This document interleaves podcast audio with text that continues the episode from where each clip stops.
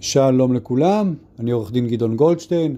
היום אנחנו נדבר על בתים משותפים ועל קרקע שהיא במושה, אבל לפני שנתחיל, הערה קטנה כרגיל, אין באמור בפודקאסט כדי להוות ייעוץ משפטי, חוות דעת או תחליף לייעוץ משפטי אצל עורך דין.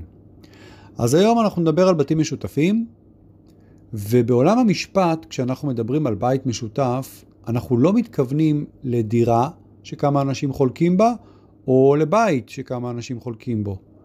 אנחנו מדברים על מבנה יותר מורכב, בניין או כמה מבנים שרשומים יחד כבית משותף. זה יכול להיות בניין מגורים בין כמה קומות, כמו שרובכם מכירים ומדמיינים, אבל זה גם יכול להיות שתי יחידות דיור, למשל, שנמצאות על חלקת קרקע אחת ורשומות כבית משותף. ואז נגיד הדירה, הבית השמאלי, יחידת הדיור השמאלית היא תת חלקה 1, יחידת הדיור הימנית היא תת חלקה 2, אבל שתיהן יחד מהוות בית משותף. למה לרשום אותם כבית משותף? למה לא באופן עצמאי? אז תכף נסביר, יש עניין של מערכות משותפות ותנאים כדי להיכנס ולהיות רשום כבית משותף, אבל זה גם פתרון למשהו שנקרא מושה ומיד נדבר עליו. קודם כל, כדאי שנבין, לא כל הבניינים שבהם גרים אנשים, או בנייני משרדים, רשומים כבית משותף. נניח מצב שבו אתם רוכשים דירה מקבלן. אז שלב רישום הבניין כבית משותף קורה רק לאחר שהבנייה הושלמה. יכול אפילו לקחת עוד כמה שנים, ורק אז, אחרי שמקבלים גם תעודת אה, גמר, טופס 4 וכולי, אז מגישים את הבית לרישום, ואם הוא כשיר לזה, אז נותנים לו צו רישום בית משותף, הוא נרשם כבית משותף. למה כל זה חשוב לנו? מה זה משנה לכם בכלל איך הבניין שלכם רשום? אתם גרים בדירה, בבניין, מה זה משנה אם הבניין הוא בית משותף או בית רגיל? לא משותף. או. אז כאן נכנסת לתמונה שאלה חשובה ומעניינת, מה קורה כאשר בניין או כמה בתים על אותה חלקת קרקע לא רשומים כבית משותף. אז הזכרתי קודם את המונח הזה ואני אחזור עליו, זה נקרא מושה. והמשמעות של מושה היא שיש לי כמה בעלים שהם יחדיו שותפים בקרקע מסוימת, אבל ללא הגדרה איזה חלק בקרקע שייך למי. אין חלוקה ברישום לתתי חלקות. יכול להיות שיש לנו קרקע של, אה, שיש לה בה שני שותפים לצורך העניין, אחד מהם יש לו חצי ולשני יש חצי, או לש... לאחד מהם יש 25% ולשני יש 75%. אבל אין משהו שאומר לנו מדובר על החצי השמאלי והחצי הימני, או מדובר על הרבע השמאלי והשלושת רבעי הימניים. אין חלוקה, הם שותפים ביחד בכל חלק וחלק בקרקע. וזה מאוד חשוב. זה מאוד חשוב כי זה מצב משפטי שיש איתו בעיות, או יכולות להיות איתו בעיות. אפשר אגב לפתור אותן, אבל uh, בצורה של נניח uh, הסכם שיתוף, אבל אולי זה נושא לפרק אחר. דיברנו בפודקאסט קודם על נסח טאבו, ואמרנו נסח הטאבו זו למעשה תעודת הזהות של נכס מקרקעין. ולנכס הזה יש שטח, יש כתובת, גוש וחלקה, וכשמדובר בבית משותף, אז אותו נכס הקרקע, נכס המקרקעין, מקבל גם תת חלקה, חלוקה לתתי חלקות. מה קורה אם אתם שולפים נסח טאבו של בניין עם כמה דירות מגורים, אבל לא רשום שמדובר בבית משותף, לא רשום שמדובר בתמצית רישום מפנקס הבתים המשותפים. זאת אומרת שבנתוני הנכס שלכם יהיה כתוב גוש וחלקה, ויהיו רשומים הרבה הרבה בעלים מתחת לאותם נתונים. אתם יודעים מה חלקו של כל אחד בקרקע, זה יהיה כתוב. נניח שיהיה לכם שם שלושה בעלי קרקע, לאחד 50%, לשני 25% ולשלישי 25%. כך זה יהיה רשום בנסח הטאבו. לאחד חצי, לאחד רבע ולאחד רבע. סך הכל שלם. אבל כמו שאמרנו קודם, ברגע שזה במושה, אנחנו לא יודעים איזה חלק בקרקע שייך למי. האם לאחד יש את החלק השמאלי ולאחרים יש את הימני? האם לאחד יש את העליון, לאחר יש את התחתון? זאת אומרת, קדימה, אחורה. אנחנו לא יודעים למקם את זה. אז איך אנחנו יודעים אה, לפתור את הסיפור הזה? הזכרתי את זה. עושים איזשהו הסכם שנקרא הסכם שיתוף, שזה פתרון למקרה שלא נרשם בית משותף, וזה מסביר ומסדיר מה חלקו של כל אחד, איך הוא משתמש בו, למרות שרשומים במשותף. אומרים, אתה תיקח את החלק השמאלי, אני אקח את החלק הימני, אלה הזכויות והחובות שלנו להתנהלות המשותפת, ואת זה מגישים לרישום. ובכל זאת, מה עושה רישום בית משותף? הוא מייתר את כל הסיפור הזה, הוא מסדיר את זה בצורה חוקית ובצורה הכי ברורה שאפשר. כי יש גם חסרונות להסכם שיתוף, אני לא אכנס לזה בפרק הזה, אבל יש לזה חסרונות. רישום בית משותף, ברגע שמבנה כשיר להירשם כבית משותף, יש תנאים לזה בחוק, אז הוא מחלק את, התח, את, ה, את הקרקע לתתי חלקות, ואז מאוד ברור מה יש לכל אחד מהבעלים בקרקע. הם כבר לא שותפים בכל הקרקע. כנראה שכל אחד מהם יהיה לו את החלק שלו בקרקע, שברור מאוד מהו, והוא בבעלתו המוחלטת, ויהיה עוד חלקים בקרקע שהם מבחינת רכוש משותף. ושם צריך לקבל החלטות במשטר של רכוש משותף בבית משותף, ברוב כזה או ברוב אחר, מה שהחוק קובע בהתאם לסוג ההחלטה שצריך לקבל, אם זו החלטה על הוצאות חריגות, אם זו החלטה על פרויקט בנייה שיוצאים אליו, למשל הוספת מרפסות, הוספת ממ"דים, הוספת מעלית, חיזוק אה, בתמ"א 38 וכן הלאה. עכשיו, ברגע שיש לי רישום בית משותף, אין לנו גם יותר את העננה הזאת של הסכנה שנקראת פירוק שיתוף במקרקעין. וגם זה שווה פרק בפני עצמו, כי ברגע שיש לי, נאמר ככה על קצה המזלג, ברגע שיש לי קרקע שבבעלות כמה אנשים, אם הם לא מסתדרים אחד עם השני, אחד מהם יכול לפנות לבית המשפט ולתבוע את פירוק השיתוף במקרקעין. פירוק השיתוף יכול להתבצע בכמה אופנים, למשל, לקחת את הזכויות ולמכור את כולן יחד לאיזשהו צד ג' שהוא כבר יסתדר עם עצמו, אבל אז כל אחד מאיתנו השותפים מקבל את השווי הכספי של הזכויות שלו, וזהו.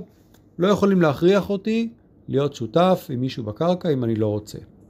ברגע שיש לי רישום של בית משותף, כל הנושא הזה כבר לא רלוונטי. אני לא שותף עם אנשים אחרים בקרקע, אני אולי לכל היותר שותף איתם בחלקים מהרכוש המשותף, אבל בדירה שלי היא בבעלותי. אולי בבעלותי ובבעלות אשתי, אוקיי? אבל, אבל, אבל לא עם שותפים אחרים זרים בעיקרון, אוקיי? מה עוד החשיבות של רישום בית משותף? חוק המקרקעין מכיל על בתים משותפים סעיפים שנועדו להסדיר את אורח החיים בבית משותף. אחד הדברים הכי חשובים הוא התקנון המצוי. ברגע שבניין מוגדר כבית משותף, יש לנו תוספת בחוק המקרקעין שבה יש רשימה של כללים שהן ברירת המחדל שנקראת תקנון מצוי, וזה מסדיר את ההתנהלות של הדיירים בבית המשותף. כל בניין שמקבל צו רישום בית משותף, אלא אם כן מתנים על התקנון הזה וכותבים תקנון מוסכם אחר, מה שחל עליו זה אותו תקנון מצוי, המחוקק דאג לדאוג לזה מראש. אז כמו שאתם מבינים, גם הדיירים יכולים להתכנס ולקבל החלטות, לשנות את התקנון המצוי, ובעצם לאמץ תקנון מוסכם, שיסדיר התנהלות עם כללים קצת שונים בבית המשותף. זה יכול להתייחס להמון דברים, זה יכול להתייחס להוצאות ולתחזוקה ולחלקים מהרכוש המשותף שבוחרים להצמיד אותם לדירה מסוימת למשל, וכן הלאה וכן הלאה. ובאמת אפשר להגיע לתקנונים מאוד מסובכים ומאוד מאוד חשוב להכיר אותם. אם אתם הולכים לקנות דירה בבית משותף ולא חל התקנון המצוי, אתם חייבים להוציא את התקנון המוסכם ולהבין מה הוא אומר. כמובן זה תפקידו של עורך הדין שמייצג אתכם. איך עושים את זה? מוציאים, אה, פונים ללשכת רישום הבתים המשותפים, מוציאים משם את כל מסמכי הבית המשותף, את צו רישום הבית המשותף, את התסריטים, את התקנון, את הכל, אוקיי? וזה גם אומר לכם שברגע שבית הופך להיות בית משותף, הכל ברור יותר. יש ודאות. אתה יכול לשלוף את התסריט ולראות לא רק איזה דירה שייכת למי, אלא איזה חנייה שייכת למי, למי הוצמדה הגן, מה מהווה רכוש משותף בבניין וכו'. עכשיו, אם כבר דיברנו על זה, אז מה זה אומר רכוש משותף ומה זה אומר הצמדות? כשיש לכם בית משותף ויש לו הצמדה, זה אומר שלקחו איזשהו חלק מהרכוש המשותף והצמידו אותו לדירה מסוימת. הדוגמה הכי פשוטה, חנייה. חנייה בטאבו, הכוונה חנייה שהייתה חלק מהרכוש המשותף ועכשיו היא חלק מהדירה, חלק בלתי נפרד מהדירה שאליה היא הוצמדה. כמובן זה יכול לקרות כבר כשאתם קונים את הדירה מהקבלן והוא מחליט להצמיד חניות לדירות וזה יכול לקרות גם בתהליך אחרי אה, שרכשתם דירה ונכנסתם אליה, אם היו נגיד המון חניות והחלטתם לעשות אה, שיוך של חניות לדירות, צריך לקבל על זה החלטות בפורום שנדרש, ברוב שנדרש, בבית המשותף, להצביע ולתקן את צו רישום הבית המשותף, כך שיהיו הצמדות של חניות לדירות ספציפיות. זה יכול להיות כנגד תשלום, זה יכול להיות כנגד התחייבויות אחרות, זה יכול להיות שיש מספיק חניות לכולם ורק רוצים לעשות סדר, מי יקבל איזה חניה, הכל בסדר. אלה דברים שמסדירים בבית משותף. מה עוד אה, אפשר להסדיר, מה נהוג להסדיר בבית משותף? למשל, אם רוצים להתקין מעלית, אז חוק המקרקעין מגדיר איך צריך לקבל החלטה על התקנת מעלית בבניין. מי אמור לשאת בעלויות שלה? מה למשל קורה אם אנחנו רוצים להתנתק ממערכת חימום מרכזית? יש גם בתים שיש בהם את המערכות האלה. גם זה מוסדר בבתים משותפים. ובקיצור, ברגע שיש לי רישום של בית משותף, יש לי הסדרה של הזכויות והחובות של איך מתנהגים בבית המשותף, על הקרקע וברכוש המשותף. אבל זה לא כל כך מהר ופשוט. כמו שאמרתי קודם, יש תנאים בשביל הסיפור הזה. כדי שבניין יהפוך לבית משותף, צריכים להיות לו את אותן תכונות ואת אותם מאפיינים שמאפשרים את הרישום הזה. וכשזה אפשרי, מגישים את הבניין לרישום על מנת שיקבל צו של בית משותף. אגב, אם אתם קונים דירה מקבלן, יש התחייבות של הקבלן לרשום בית משותף.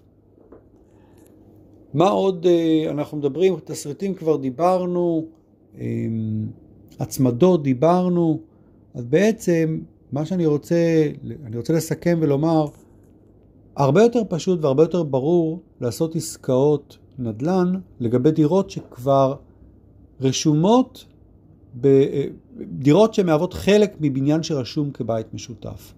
לעומת לעשות עסקה בדירה שהיא חלק מבניין שלא רשום כבית משותף, ואז גם צריך לברר איך מתנהל הרישום לגביו. יכול להיות למשל שהרישום מתנהל אצל החברה שמכרה את הדירות לרוכשים ועדיין נקראת חברה משכנת. יכול להיות שיש תקנון שעדיין לא נרשם, ואולי יש כוונה שהוא יירשם בעתיד, אבל יכול להיות שהמפקח על בתים משותפים לא יסכים לקבל את התקנון. אולי יש בו הוראות שנוגדות את תקנת הציבור או הוראות בעייתיות. בכל, בכל זאת המפקח הוא לא חותמת גומי, הוא בודק גם את הבקשה לרישום בית משותף, גם את התקנונים המוצעים, ככל שמדובר בתקנונים מוסכמים, כן? כי התקנון המצוי יוכל, הוא ברירת המחדל, אבל תקנון מוסכם צריך לעבור את הביקורת של המפקח על בתים משותפים, ובסוף יש גם עוד שאלות של אה, אי ודאות. אם בניין עדיין לא רשום כבית משותף, ויש בבניין הזה למשל חריגות בנייה, חריגות בנייה הכוונה חריגות שהן לא חלק מהיתר הבנייה, אלא בניות מעבר, בניות בשונה מהיתר הבנייה.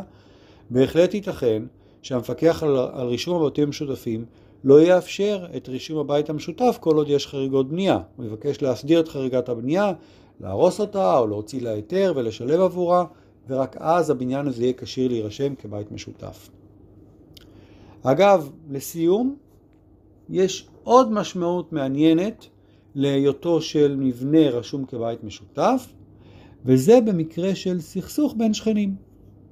במקרה כזה, המפקחת על רישום הבתים המשותפים היא בעלת סמכות להכריע בסכסוך.